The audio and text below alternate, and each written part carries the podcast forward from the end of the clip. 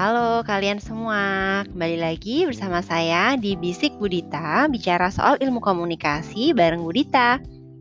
Sudah semakin banyak ya topik yang kalian pelajari tentang public speaking. Nah, kali ini saya akan membahas komunikasi nonverbal dalam public speaking yaitu tepatnya untuk mencapai penyampai untuk uh, mencapai tujuan kita punya uh, delivery yang efektif. Kenapa sih kita perlu punya penyampaian yang efektif? Karena 55 sampai 90% keberhasilan kita dalam menyampaikan topik di muka publik itu ditentukan dari bagaimana cara kita membawakannya. Dan dalam membawakan sebuah konten di public speaking itu yang paling penting adalah komunikasi nonverbal selain daripada konten atau topik yang kalian sampaikan. Jadi nih kalau untuk mencapai sebuah penyampaian um, topik public speaking, yang pertama you must know what you want to say itu konten. Kemudian kalian harus bisa mengorganisasikan konten itu supaya jadi masuk akal. Itu masuknya di struktur dan mengkomunikasikannya supaya itu jadi menarik. Itu adalah delivery. Oke, kita mulai kita mulai ya. Apa sih yang membentuk uh, sebuah komunikasi itu jadi sebuah sesuatu yang efektif. Karakteristiknya apa? Yang pertama adalah listener centered. Jadi kita fokus untuk membuat si pendengar kita itu paham, membuat pendengar kita itu nyaman dan tertarik dengan apa yang kita sampaikan. Jadi komunikasi nonverbal itu haruslah mendukung komunikasi verbal kita. Jangan sampai terjadi hal yang bertentangan. Kemudian yang kedua, karakteristik dari penyampaian yang efektif adalah harus bersifat conversational, seperti ngobrol.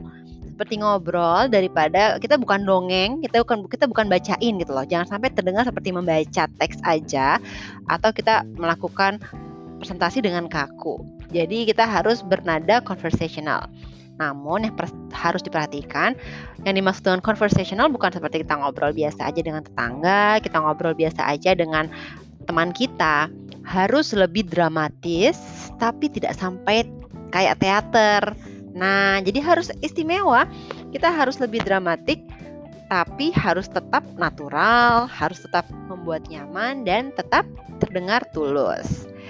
Kemudian ada prinsip-prinsipnya nih untuk komunikasi nonverbal. Yang pertama, komunikasi nonverbal itu tidak terhindarkan. Kalian pernah dengar ada yang disebut ada peribahasa lah, ada ungkapan yang bilang we cannot not communicate. Artinya bahwa diamnya seseorang saja itu sudah mengkomunikasikan sesuatu. Seseorang yang datang terlambat di sebuah presentasi sebagai pembicara itu juga sudah menyampaikan sesuatu.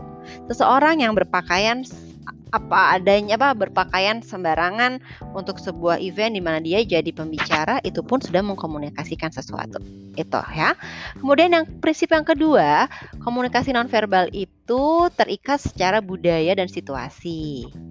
Lalu ada prinsip yang keempat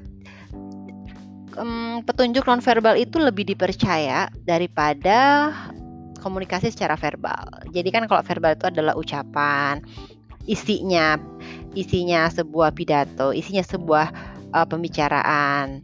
Jadi misalnya kita isinya uh, mengajak orang untuk semangat nih, semangat yuk kita olahraga supaya kita tetap sehat di masa pandemi.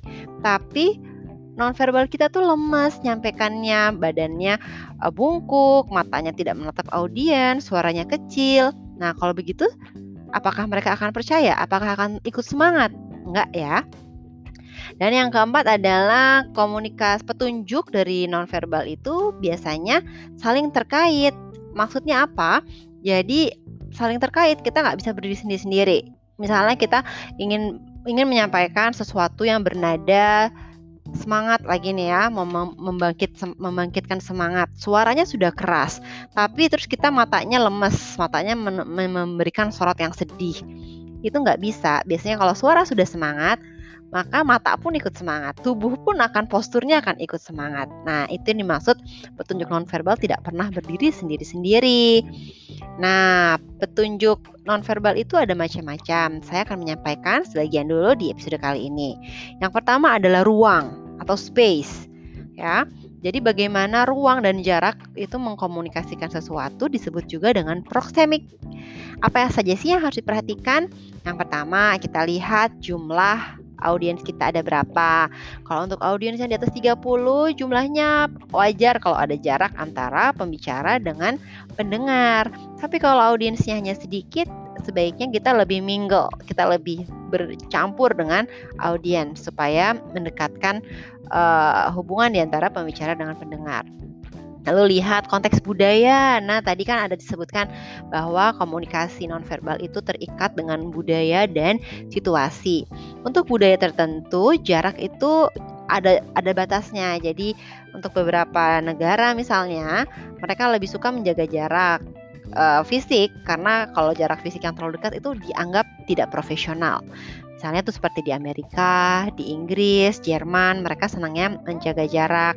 Tapi kalau di budaya negara-negara Mediterania seperti Yunani atau Eropanya seperti Italia, Spanyol, itu mereka uh, lebih senang berjaraknya tuh dekat. Itu dianggap menghormati lawan bicara ya atau di di Indonesia juga mungkin kita harus perhatikan mungkin di Jakarta yang metropolitan ini banyak mengan, menganut budaya baratnya kayak ke Amerika atau Inggris gitu ya. Jadi ya senangnya lebih profesional, lebih jaga jarak. Tapi mungkin kalau kamu satu hari eh, jalan-jalan ke daerah misalnya Jogja gitu, daerah-daerah yang lebih hangat, lebih erat, lebih guyup, itu mungkin kita tidak perlu menjaga jarak terlalu jauh dengan uh, audiens kita. Juga lihat ruangannya, lalu uh, gimana nih cara penyusunan kursinya dalam satu setting itu? Ya kita akan menyesuaikan. Kalau memang sudah di setting menghadap ke depan semua ya pasti pembicaranya mungkin di mimbar atau dia berjalan di depan. Tapi kalau kursinya sudah di setting untuk melingkar berarti biasanya pembicaranya akan duduk di tengah. Itu saling terkait ya.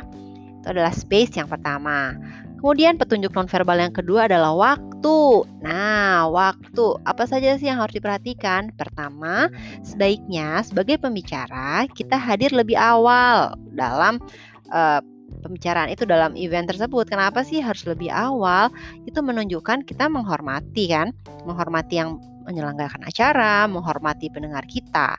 Ketika kita datang terlambat, itu menyampaikan pesan bahwa itu tidak uh, tidak memikirkan orang lain, inconsiderate, tidak kompeten atau bahkan tidak punya komitmen terhadap topik yang mau disampaikan dan juga event yang akan dihadiri. Kemudian yang kedua harus uh, taat sama batas waktu yang diharapkan oleh audiens. Kenapa ya? Kalau misalnya kita menyampaikan topik kita lebih pendek daripada yang seharusnya diharapkan oleh audiens, mereka akan merasa dicurangin nih pendengarnya ya kita udah bayar segini ya kita sudah mengharapkan dia mau cerita sebanyak ini kok lebih pendek sih ngomongnya daripada yang kita harapkan atau daripada yang tertulis di jadwal misalnya.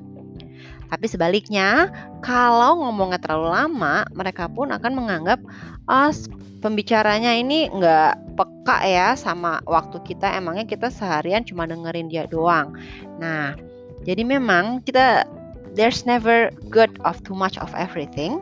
Jadi jangan never too short and never too long. Itu untuk uh, poin petunjuk nonverbal yang kedua yaitu waktu. Kemudian petunjuk nonverbal yang ketiga adalah appearance atau penampilan. Nah, jadi banyak studi yang menunjukkan bahwa semakin rapi, semakin profesional penampilan seorang pembicara, itu menyampaikan pesan yang penting tentang seberapa besar komitmen pembicara terhadap topik. Dan itu juga menyampaikan pesan yang kuat tentang kredibilitas si pembicara. Ada tiga aturan penting nih untuk penampilan. Yang pertama adalah avoid extremes. Apa maksudnya? Jangan lebay berpakaian. Jadi tidak misalnya kita membicarakan tentang pentingnya uh, manfaat menari balet misalnya untuk anak-anak perempuan usia dini.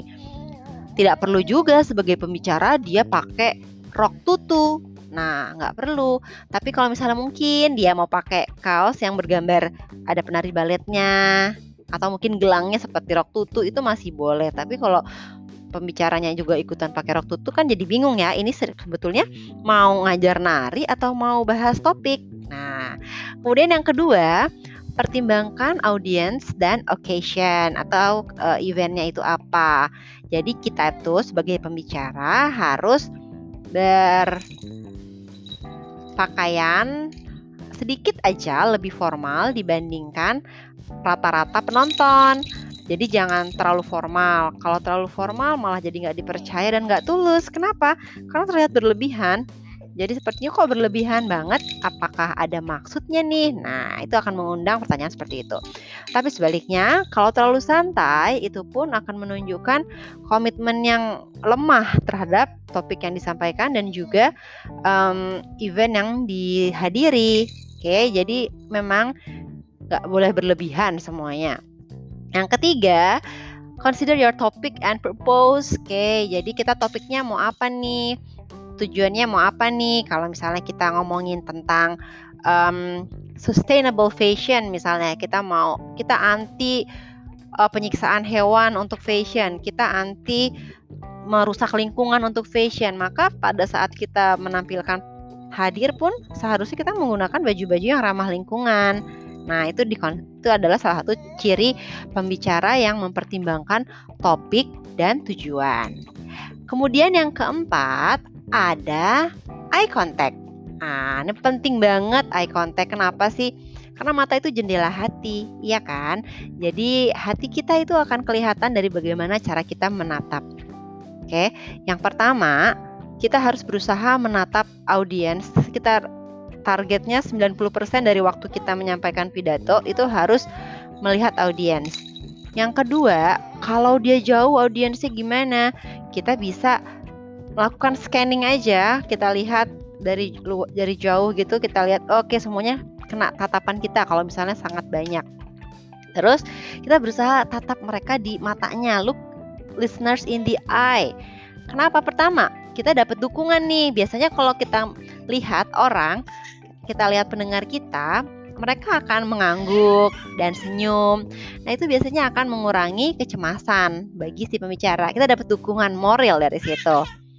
Terus kalau kita lihat matanya mereka, mereka merasa dianggap penting dan didengar gitu. Lalu yang ketiga, kalau kita lihat mereka di matanya, kita akan punya kesempatan untuk membaca feedback mereka dan kita bisa menyesuaikan pesan kita sesuai dengan feedback yang kita dapatkan. Misalnya kita ada orang yang kita menyampaikan suatu suatu konten. Terus dia mengerenyitkan dahi lalu memiringkan kepala. Oh kayaknya dia bingung. Oke aku akan sederhanakan pesanku ya. Terus kalau misalnya kita di kamera nah berarti kita harus make, make eye contactnya dengan kamera. Tataplah kameranya. Nah itu adalah empat petunjuk dari komunikasi nonverbal yang harus kita perhatikan episode ini sampai di sini dulu. Selanjutnya kita jumpa lagi di episode berikutnya. Salam bisik Budita, bicara ilmu komunikasi bareng Budita. Bye.